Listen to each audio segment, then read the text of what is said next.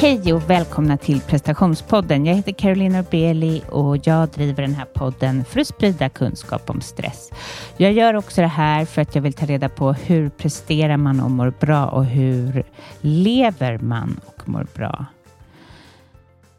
Eh, ja, jag... Eh, ja, eh, gud, jag, jag sitter på Yogamana och jag har coachat och eh, jag har spelat in podd och har haft fullt, fullt ös, men jag är inte riktigt igång i hjärnan. Det känns, känns skönt för Eva. Eh, nej, jag tycker att det är svårt att komma igång och jag tror att det har att göra med att min kropp vill röra på sig, vill inte bara sitta still. Alltså, det måste ju vara jättekonstigt för kroppen. Så här har den fått springa och spela tennis och yoga och ha sig varje dag typ under sommaren och så kommer den till jobbet jobbet eller liksom, så är det vissa dagar då som man bara går till jobbet eller ja, jag behöver få in min yoga på morgonen. Vem, vem kan hjälpa mig? Jag vet inte. Jag har så svårt med det för att jag är så otroligt dålig på att gå upp. Men jag tror att det kan bli bättre nu för att eh, jag har hittat ett mirakelmedel som jag hoppas på att kunna börja sälja faktiskt, men jag vet inte alls om jag kommer få det. Men eh, det är ett, eh, en, en tablett, alltså det är vitaminer som min pappa hittade i Madrid eh, för sömnen. Alltså det är eh, melatonin, GABA, valeriana, B6, B12 och några extrakt från Kalifornien som säkert inte får säljas här.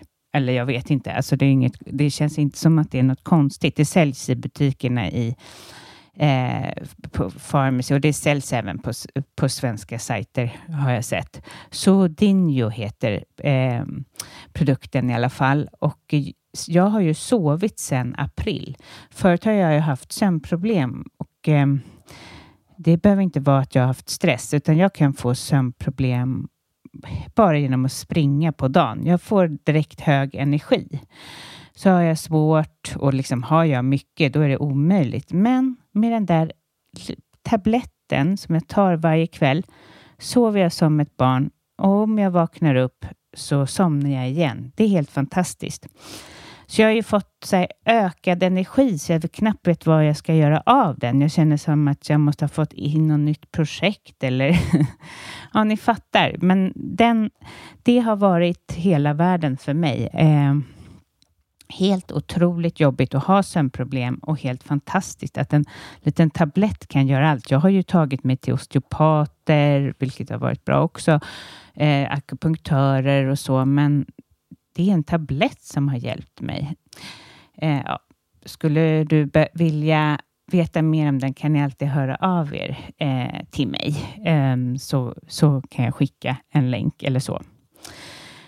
Eh, jag fick en så otroligt bra tips här av en, en vän som har hjälpt till för i prestationspodden. Hon skickade eh, ett, ja, skickade eh, så otroligt intressant. Det är en, en, rörelse som heter Quiet Quitters, eller rörelse, jag vet inte, men det är tydligen den senaste trenden som man bör ha koll på.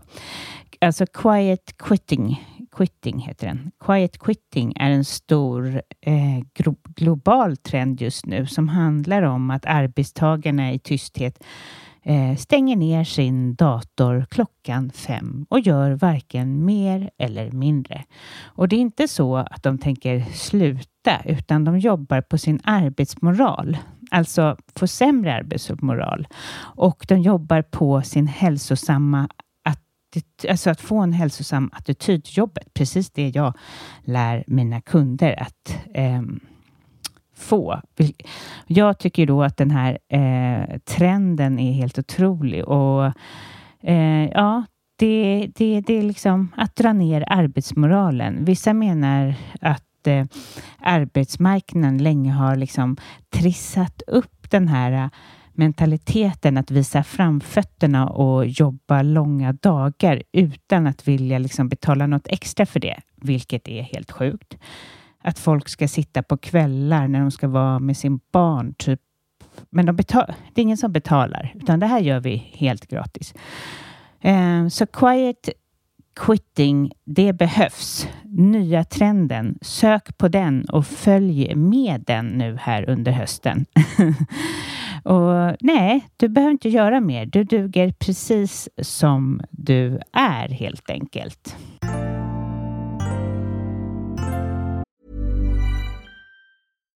One size fits all seems like a good idea for clothes until you try them on. Same goes for healthcare. That's why United Healthcare offers flexible, budget friendly coverage for medical, vision, dental, and more. Learn more at uh1.com. Hey, it's Danny Pellegrino from Everything Iconic. Ready to upgrade your style game without blowing your budget? Check out Quince. They've got all the good stuff shirts and polos, activewear, and fine leather goods, all at 50 to 80% less than other high end brands. And the best part? They're all about safe, ethical, and responsible manufacturing. Get that luxury vibe without the luxury price tag. Hit up quince.com slash upgrade for free shipping and 365 day returns on your next order. That's quince.com slash upgrade. There's never been a faster or easier way to start your weight loss journey than with PlushCare. PlushCare accepts most insurance plans and gives you online access to board-certified physicians who can prescribe FDA-approved weight loss medications like Wigovi and Zepbound for those who qualify.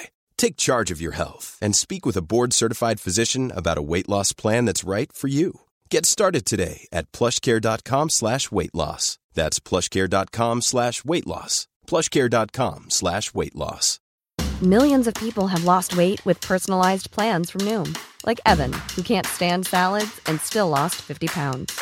Salads, generally, for most people, are the easy button, right? For me, that wasn't an option.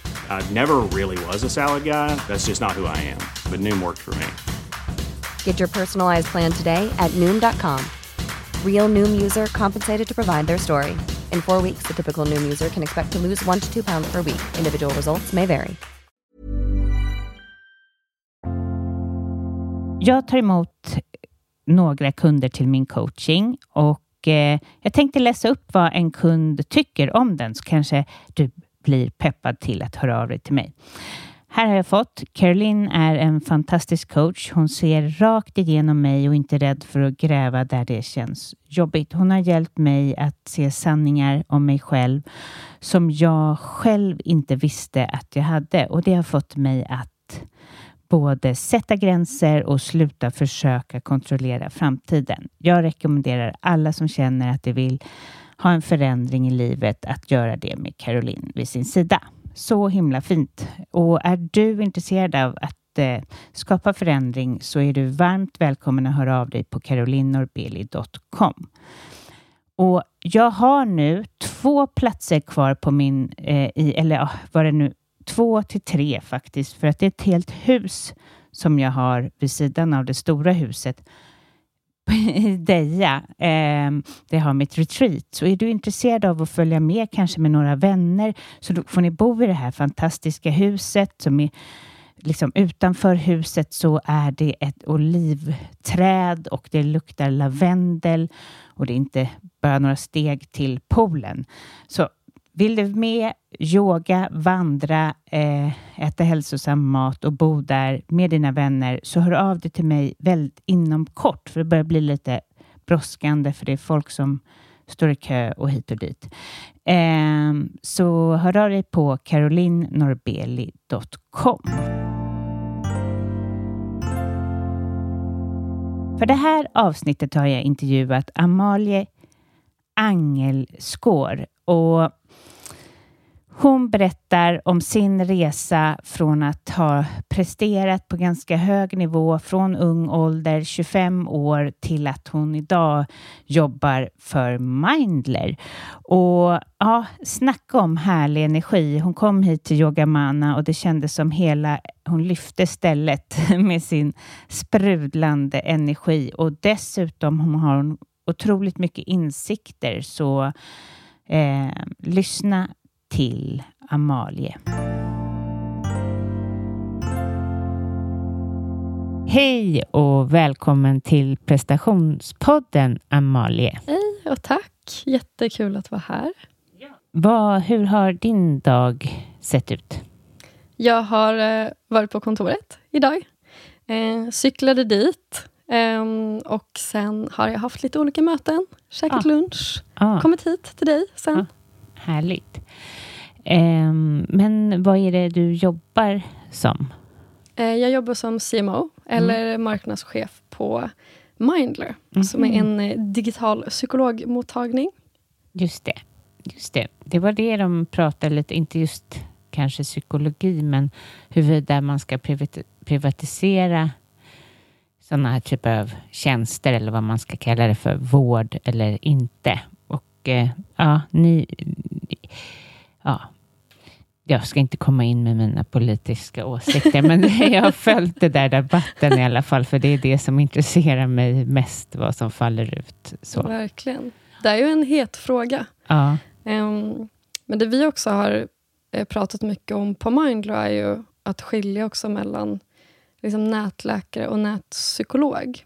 För problematiken i vissa fall blir ju i om man är nätläkare, att folk kanske söker vård för em, problematik som inte går att behandlas digitalt. Alltså till Precis. exempel om jag har ont i min axel, så är det kanske svårt att en eh, läkare digitalt kan lösa det åt mig. Eh, Men i digital psykologi så är det väldigt få gånger vi inte kan hjälpa någon som kommer till Mindler. Nej, precis. Ehm, och det finns ju ganska långa köer till psykolog tyvärr. Och många ställen där det kanske inte finns en psykolog i den Nej, staden folk bor eller precis. Och jag känner ju ingen skillnad på mina kunder som jag har på distans. Jag är minst lika nära dem eh, som jag är med dem jag har som kommer hit till den här mottagningen. Verkligen. Yogamanna. Ja. Ja, jag har ju också gått till psykolog faktiskt både fysiskt och digitalt själv. Mm. Och jag kände väl inte en så mycket större skillnad själv. Ehm, fysiskt är ju också lite mysigt i och med att man ser varandra, men digitalt kan ju också vara skönt i och med att man kan liksom ligga sig i sängen med en kopp te och i morgonrock och bara vara. Fokusera på sig själv Ja, och och stunden. det kanske är lite olika stadier man befinner sig i också, hur man Mm. vill. Eller hur? Verkligen. Eh, men om vi backar bandet Mm. eh, till då när du hade alldeles för mycket stress. Jag ja. antar att du har stress fortfarande i ditt liv, men när det blev för mycket, vad var du då? Ehm, ja, då var jag ju ganska ung. Jag är fortfarande ganska ung för sig. Ehm, Hur gammal är du? Jag är 28. Mm. Eh, det här är ju några år sedan eh, nu. Eh, 2019, så inte så länge sedan faktiskt. Ehm, men då eh, känner jag väl att jag har väl alltid varit lite så här duktig flicka. Sen eh, ja, långt tillbaka liksom, pluggat, haft flera jobb, jobbat som volontär och hållit på med väldigt mycket olika saker på en gång. Eh, som kanske ja, följde med mig lite in i arbetslivet, tror jag. Ehm, och jag eh, flyttade till eh, Stockholm för att jobba på H&M's huvudkontor med inköp. Ehm, men sen eh, hakade jag på en eh, startup. Ehm, och ehm, i det så var det min första startup-upplevelse som kan vara eh, ganska intensiv. Och sen blev det alldeles för mycket. Eh, alldeles för mycket jobb. rent fysiskt. Men sen också för min del så blev det eh, till slut att jag inte kunde släppa jobbet. Så om jag inte jobbade fysiskt så jobbade jag psykiskt upp i huvudet när jag skulle sova eller när jag skulle vara med kompisar. Eller, um, och för mig blev det till slut att jag prioriterade bort eh, saker som jag tyckte om. Som att till exempel hänga med en kompis, eller ta en kopp te, eller poppa popcorn och kolla en film. Um, och mådde väldigt dåligt över att jag var konstant stressad, helt enkelt. Ehm, och det här var, då var jag 25 när jag blev VD för ett bolag. Oj. Eh, då är man ju väldigt, väldigt ung när man blir VD. Hade ju inte varit det förut. Det är mycket ansvar, det är mycket press och stress. Ehm, och jobbade ganska mycket själv också, med väldigt, väldigt mycket ansvar för ett helt bolag. Ehm, och det var väldigt, väldigt tufft. Och för min del, när jag kände att det rann över, var väl ehm, jag kan fortfarande känna att jag har ett lite så här, ångest när jag ser 7-Eleven på Stureplan. För att jag kommer ihåg att jag skulle typ köpa lunch klockan 16.30 en dag. Mm. För då hade man inte hunnit käka lunch.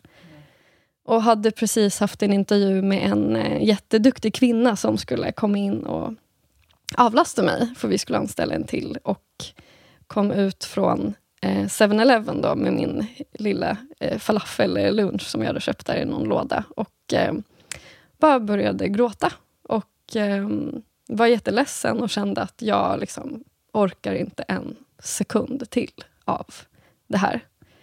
Eh, och hoppade i en taxi hem till min lägenhet och bara grät. Eh, för att jag var så trött. Eh, och hela min kropp skrek bara nej. Jag kunde liksom inte tänka mer på någonting. Hade du eh, fått signaler innan det? Ja, i retrospekt så hade jag ju det. Um, både saker som jag märkte och som var svårare för mig att märka. Att successivt välja bort saker som man tycker Ehm, eller som man vet är bra för ens mående. Till exempel träning för mig prioriterade jag helt bort, som är någonting som jag tycker väldigt mycket om. Um, och kompisar och familj Jag kände väl att jag började bli så irriterad på alla som kontaktade mig. För jag kände att så här, fattar inte alla att jag har ju inte tid till att prata med de här på jobbet. Eller jag har ju inte tid att prata med farmor just nu. För jag har ju så sjukt mycket annat som jag behöver fokusera på. Um, och De varningssignalerna kom ju mer och mer. Och jag märkte också att jag fick väldigt, väldigt svårt att fokusera.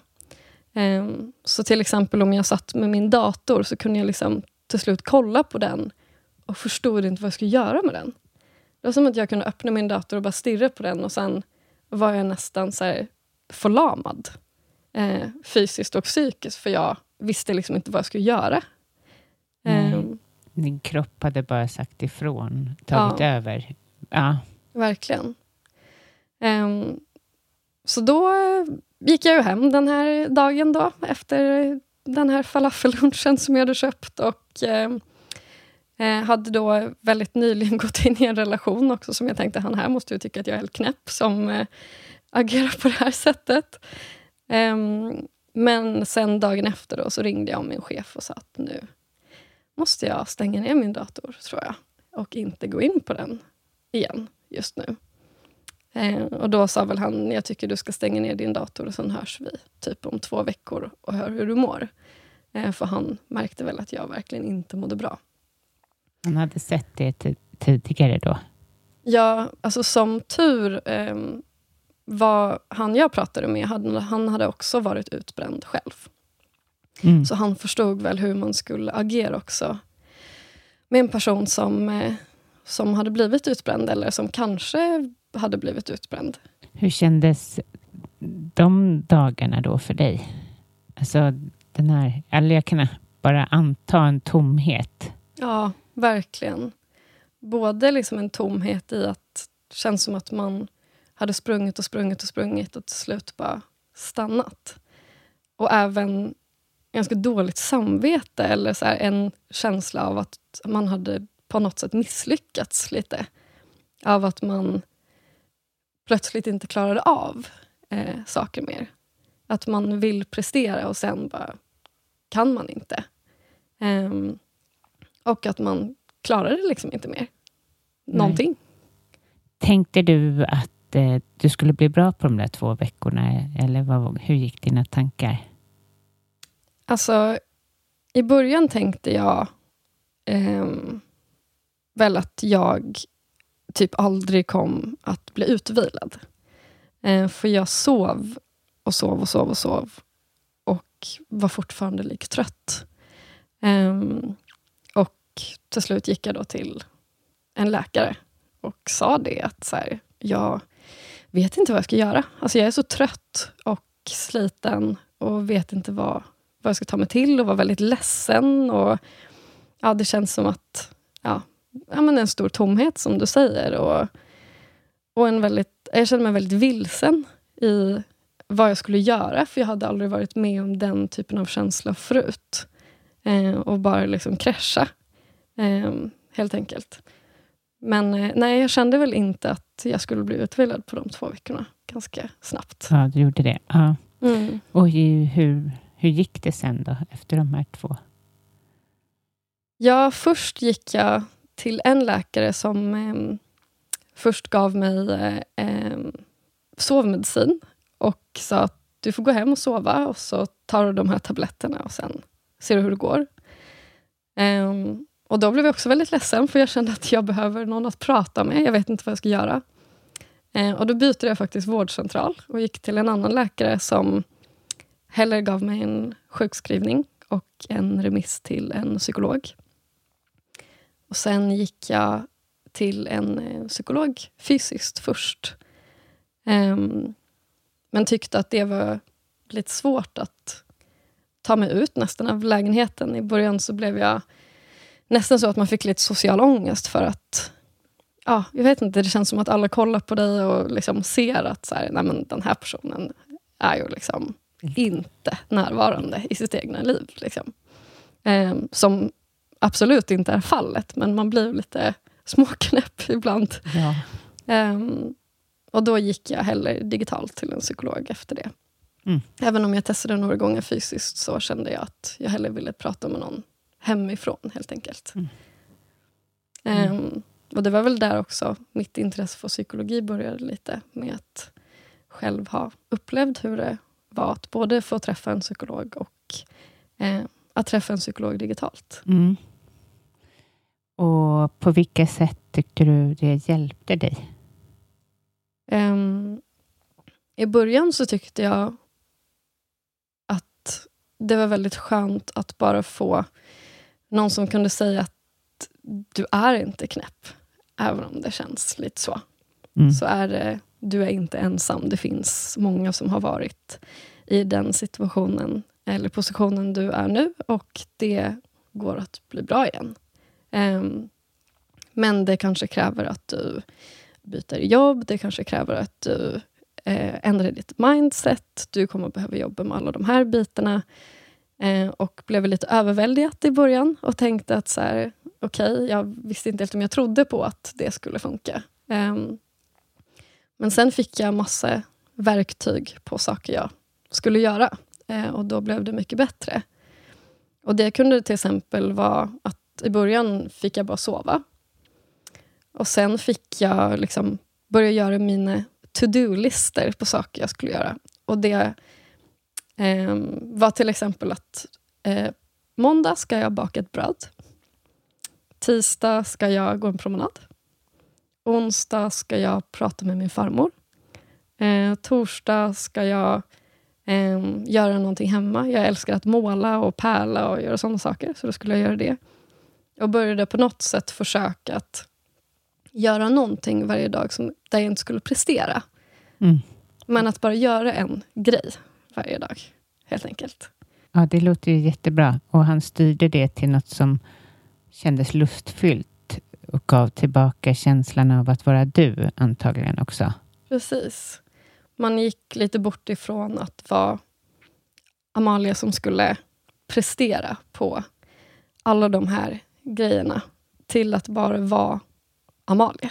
Ja. Att bara vara sig själv liksom. och komma lite tillbaka i sig själv.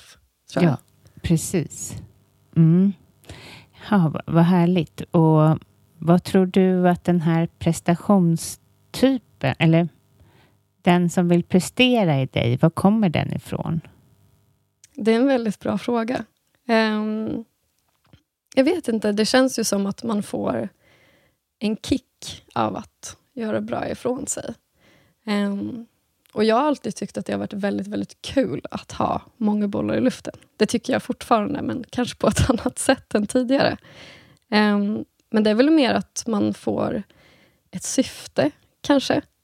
Um, och Jag har väl varit lite så sen jag var liten, tror jag. Att jag alltid vill liksom prestera eller göra det bra eller liksom få till grejer. Och jag kommer ihåg det från när jag var liten och jag pratade med min pappa som ibland sa så här, men alltså, det spelar inte så mycket roll, alla de här grejerna, Amalia. Det viktigaste är ju bara att du bara är dig själv. För det kommer ju du ha med dig hela livet. Att så här, det viktigaste är ju att du bara är Amalia.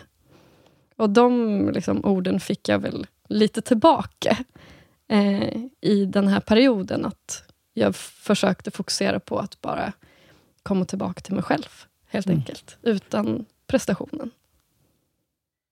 Och det gjorde du, vad fint sagt av honom. Mm. En klok pappa. Ja. Men du är ju från Norge.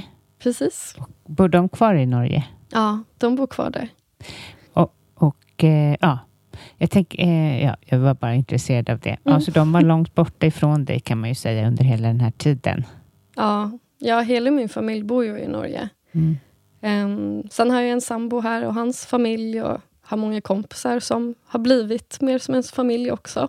I och med att ens egna familj är lite långt borta.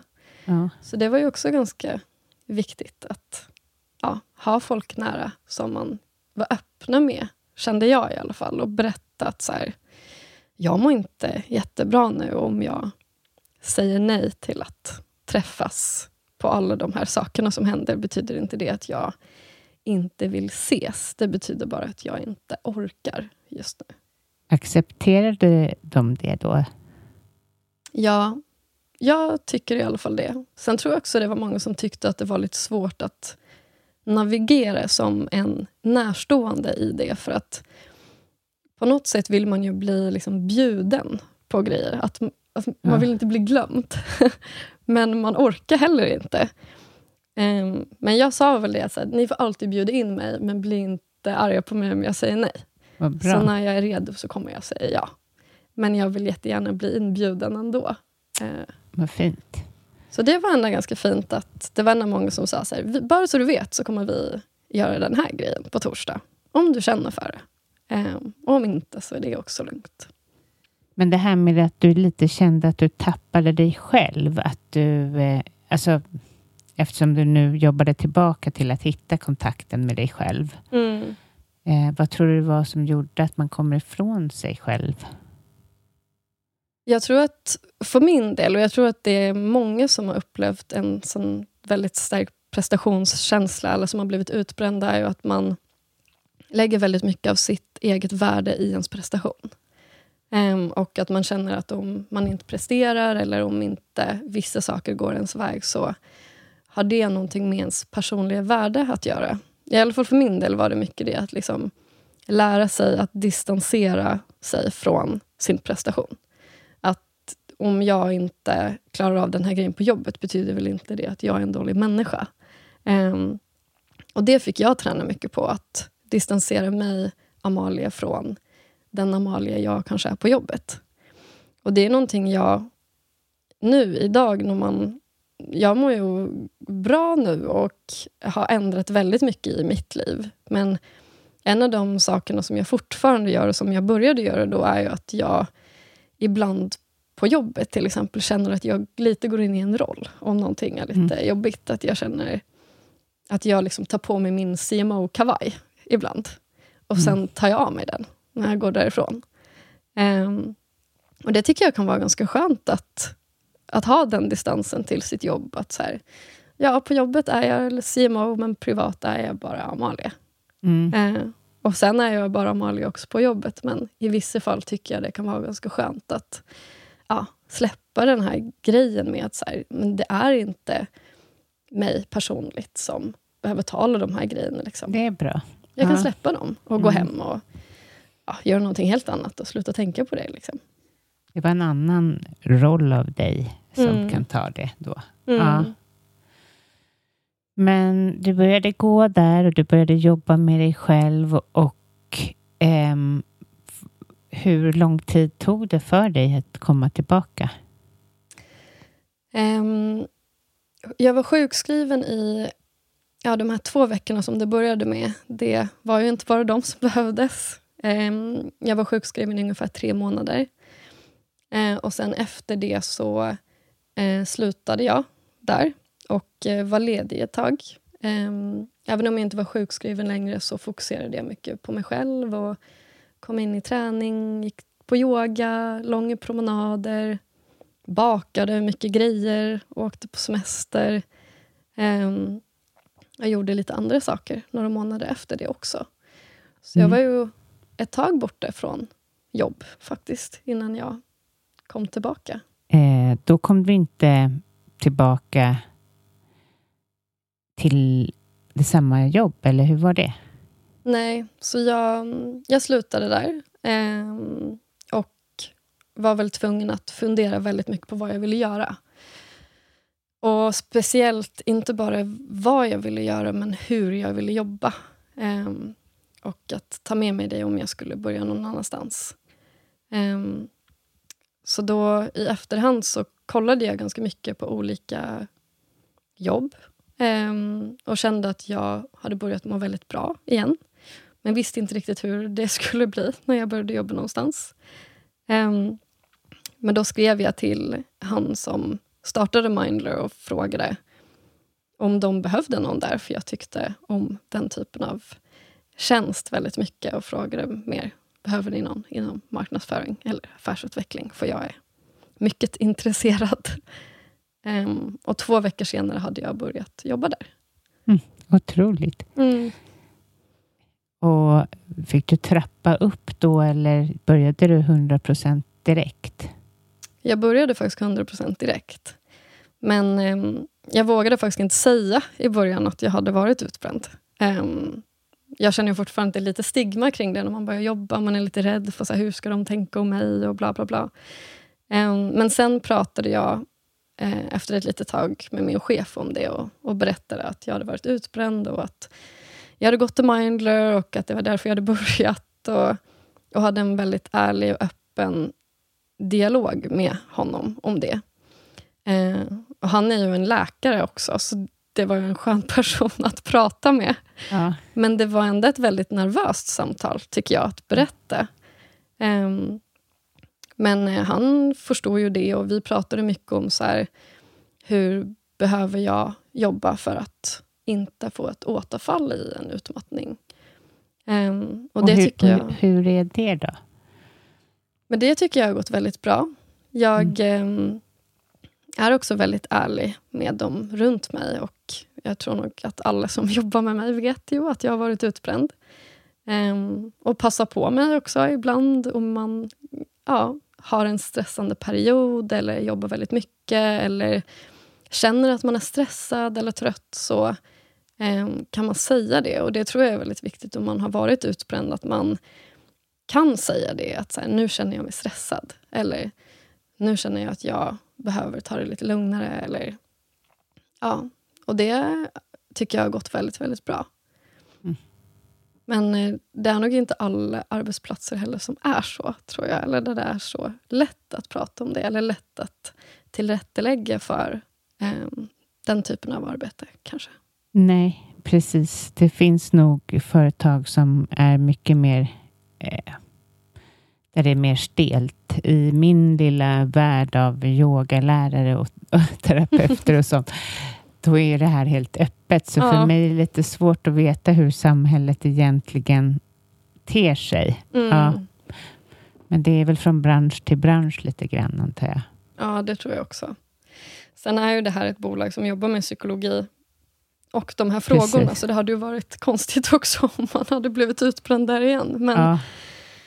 Ja, det är ju inte en, bara en arbetsgivares fel heller. Det är ju ingens fel om man blir utbränd egentligen. Ehm, mm. Um, eller det kan ju vara det, men jag tror också det handlar om en, en ärlig och öppen dialog om hur man mår och att skapa en kultur kring det är okej okay att inte må bra, eller att vara öppen med att så här, jag trivs inte, eller jag känner att jag är stressad, eller jag tycker att det är för mycket, eller jag har för mycket arbetsuppgifter eller jag har bara de här arbetsuppgifterna men jag känner mig fortfarande stressad. Um, och få vara ärlig och öppen med att säga det till sin arbetsgivare och kollegor kanske. Mm. Um, och det har jag tyckt var viktigt som chef också, att skapa den typen av kultur i mitt team. Att vi är där för varandra och, och hjälper varandra och kan vara öppen med hur man känner. Kan det ha varit att du var, alltså upplevelsen att vara kvinna och VD, mm. att eh, ja, då ska man lägga in en extra växel och man har mycket press på sig?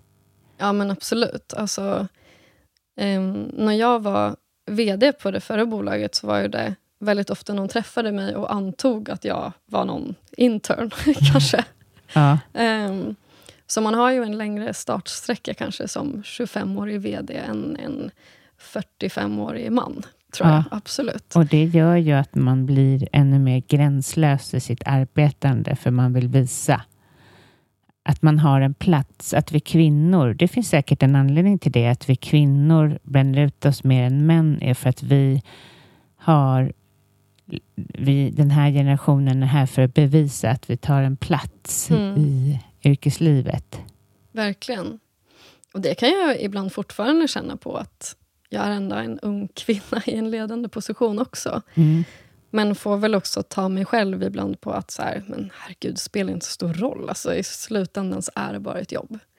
Eh, och det pratar vi också mycket om ibland när man har mycket. Så tänker vi, jag bara så här, ja ja, men det är ju bara, faktiskt bara ett jobb. Så Mm. skiter det sig så är det, ja, vad är det värsta som kan hända egentligen? Får väl jag gå hem och hitta ett annat jobb. Så är det verkligen.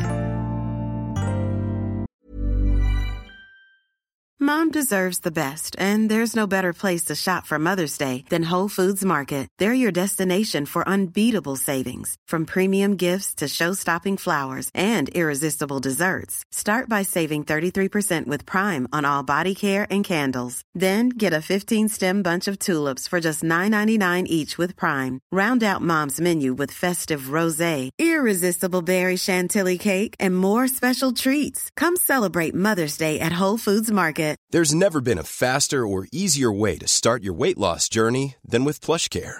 PlushCare accepts most insurance plans and gives you online access to board-certified physicians who can prescribe FDA-approved weight loss medications like Wigovi and Zepbound for those who qualify. Take charge of your health and speak with a board-certified physician about a weight loss plan that's right for you. Get started today at plushcare.com slash weight loss. That's plushcare.com slash weight loss. plushcare.com slash weight loss. Quality sleep is essential. That's why the Sleep Number Smart Bed is designed for your ever evolving sleep needs. Need a bed that's firmer or softer on either side? Helps you sleep at a comfortable temperature? Sleep Number Smart Beds let you individualize your comfort so you sleep better together. JD Power ranks Sleep Number number 1 in customer satisfaction with mattresses purchased in-store. And now, save 50% on the Sleep Number limited edition Smart Bed for a limited time. For JD Power 2023 award information, visit jdpower.com/awards. Only at a Sleep Number store or sleepnumber.com. Vad är det du kämpar med nu när det kommer till din stress och din utmattning? Jag känner nog att för min del så behöver jag påminna mig själv om de här sakerna som jag har lärt tidigare. Att det är bara ett jobb, jag behöver distansera mig själv från min prestation fortfarande. Det gör jag aktivt och ofta. Um, ta på mig den här CMO-kavajen. Um, ehm, och istället för att känna att jag har så mycket att göra, att hellre tänka att men vilka saker ska jag prioritera för att få mitt jobb gjort på ett bra sätt. Ehm, um, för jag har bara de här timmarna när jag är på jobbet och sen mer um, gör jag inte längre. Um, och även i mitt privatliv, att vad behöver jag prioritera i mitt privatliv för att jag ska må bra? Det är inte så lätt alltid, men jag försöker ändå att göra det ofta på jobbet och känna att vilka få saker ska jag prioritera för att göra ett bra jobb? Och vilka saker i mitt liv vill jag ha tid till när jag kommer hem? Det är inte det lättaste att gå ifrån eller att lämna saker. Alltså jag tror att vi, vi har så mycket på våra jobb, men vi tror att vi ska bli färdiga. Mm. Kan du känna igen det? Verkligen. Ja. Men jag tror att man får acceptera att man kunde alltid gjort mer på jobbet. Ja. Ehm, och för min del så tror jag att om jag skulle gå efter känslan att jag skulle, att jag skulle göra klart allting varje dag, då hade jag ju aldrig gått hem, tror jag. Nej. Så ibland så får man ju också tänka att så här, det här är ändå good enough. Jag har gjort mitt bästa och jag har ändå tänkt igenom det här. Vad ska jag prioritera för att göra ett bra jobb? Och sen får jag gå hem och acceptera att nu har jag gjort mitt bästa idag. Och Mm. ibland så har man kanske inte gjort sitt bästa, för man har inte världens bästa dag. Då får man acceptera det också. Mm. Ehm, men att ändå göra det mycket, för att jag tror att det är många också som går till jobbet och tänker att så här, Gud, jag har den här to-do-listan. Den är liksom 30 sidor lång. Skulle jag ha gjort alla de här grejerna? Det går ju inte. Nej. Så att ta en sån här check på sig själv att okej, nu har jag de här 30 sakerna på min to-do-lista. Vilka fem saker ska jag fokusera på den här veckan? Eller tre till exempel. Som jag hellre ska göra riktigt bra. Eh, om jag blir klar med dem så har jag gjort ett jättebra jobb. Så får de här 25 andra bitarna vänta till nästa vecka. Och sen när jag har gjort det så känner jag väl att de här 25 andra bitarna, jag kommer inte ens ihåg vad det var för någonting. För det var kanske inte så viktigt, men det har liksom hopat upp sig en jättestor lista av grejer man känner att man måste göra, som kanske inte är lika viktiga. Det kanske är samma sak som att lägga upp saker på vinden. Mm. Du vet, man glömmer bort dem. Ja, Ja. precis. Jag kör också fem, fem viktigaste varje dag. Mm. Och har jag gjort dem får jag vara nöjd. Ja, verkligen. Jag gör ju också det i... Eh, jag har många kloka kollegor och en av dem hon är kanske den mest strukturerade personen jag har träffat, Sara. Hon eh, brukar också, att om hon får en arbetsuppgift så lägger hon in den någonstans i sin kalender där hon sätter av tid att göra den här grejen. Mm. Och om jag säger, kan du göra den här biten? Så säger jag att hon lägger in fredag, när hon har en lucka att sätta sig ner och fokusera på den. Men gör inte det direkt. Och det tycker jag också är en väldigt bra grej att göra. att Man behöver inte göra allt på en gång Nej. heller. Man kan liksom sprida ut det lite och göra det lite piece by piece. Um, och lite som du säger, att bryta ner det på vecka, bryta ner det på dag, bryta ner det på månad eller försöka att strukturera upp hur man jobbar mer än att bara jobba på. Liksom. Verkligen, för att eh, det märker jag på många av mina kunder att de jobbar liksom i nuet hela tiden. Mm. Alltså, är de inte färdiga nu? Och, och nej, jag borde ta den där grejen nu. Och bara det här med att man kanske tränar på lunchen och så får precis innan man sticker iväg så ser man att det är någon som har skickat någonting och man Mm. får känslan av en nu-känsla. Att jag måste göra det här nu. Mm. Men det är inte sant.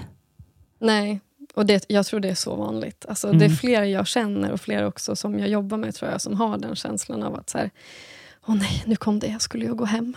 Nu Ja. kan jag inte gå hem. Ehm, men där också tror jag, för min del, jag har ingen notifications på min telefon till exempel.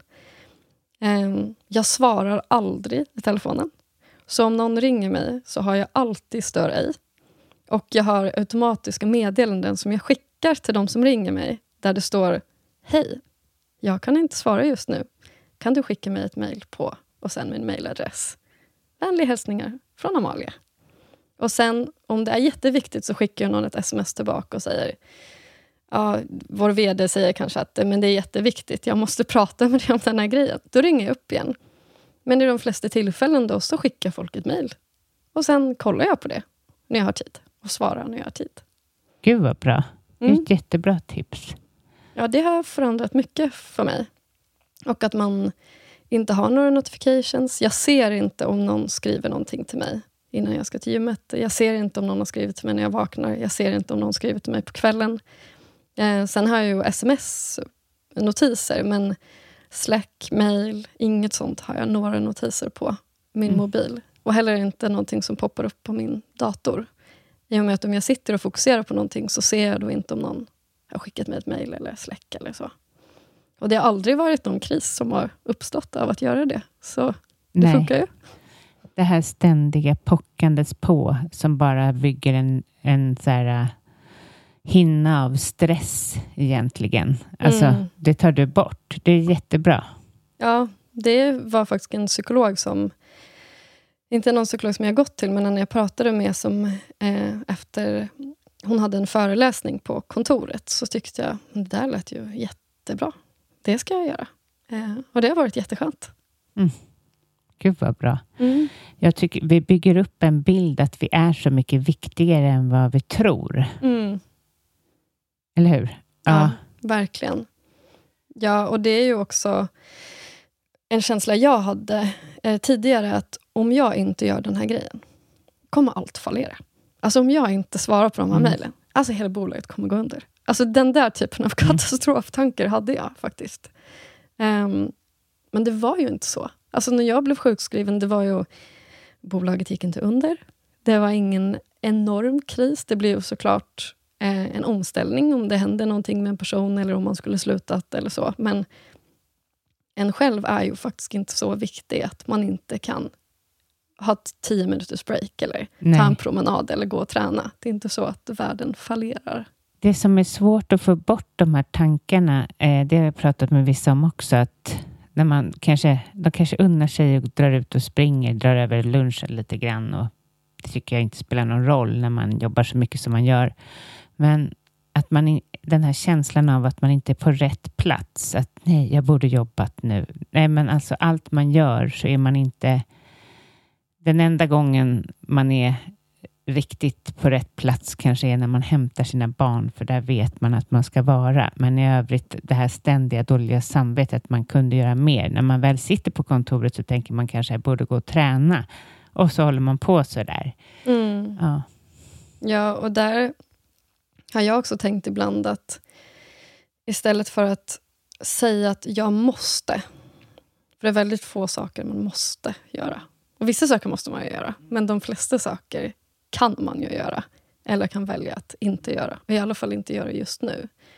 Det tror jag också är ganska viktigt att sluta prata om alla saker man ska göra som att nu borde jag göra det här. Um, och hellre tänka att så här, okay, men om jag ser på mitt liv i en helhetsbild, vad vill jag göra då? Jag vill ju göra ett bra jobb såklart och det försöker jag ju göra så gott jag kan. Men sen vill jag ju också väldigt mycket annat som inte har med jobbet att göra. Och ibland vill jag ta en sovmorgon eller ibland vill jag ta en lång lunch. Um, och om någonting så gör jag ofta ett bättre jobb då. För att då har jag också fått en paus och fått byta ett lite perspektiv så man kommer tillbaka med ett klart huvud eh, när man ska fokusera igen.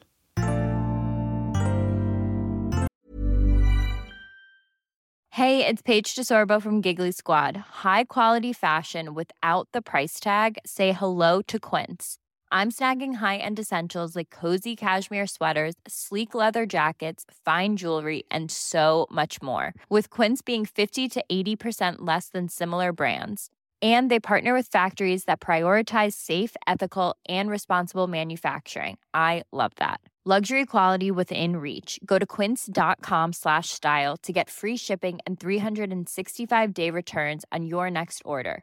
quince.com slash style mom deserves the best and there's no better place to shop for mother's day than whole foods market. They're your destination for unbeatable savings from premium gifts to show-stopping flowers and irresistible desserts. Start by saving 33% with prime on all body care and candles. Then get a 15-stem bunch of tulips for just $9.99 each with prime. Round out mom's menu with festive rosé irresistible berry chantilly cake and more special treats. Come celebrate mother's day at whole foods market Imagine the softest sheets you've ever felt. Now imagine them getting even softer over time. That's what you'll feel with Bowl and Branch's organic cotton sheets. In a recent customer survey, 96% replied that Bowl and Branch sheets get softer with every wash. Start getting your best night's sleep in these sheets that get softer and softer for years to come. Try their sheets with a 30-night guarantee. Plus, get 15% off your first order at bowlandbranch.com. Code BUTTERY. Exclusions apply. See site for details.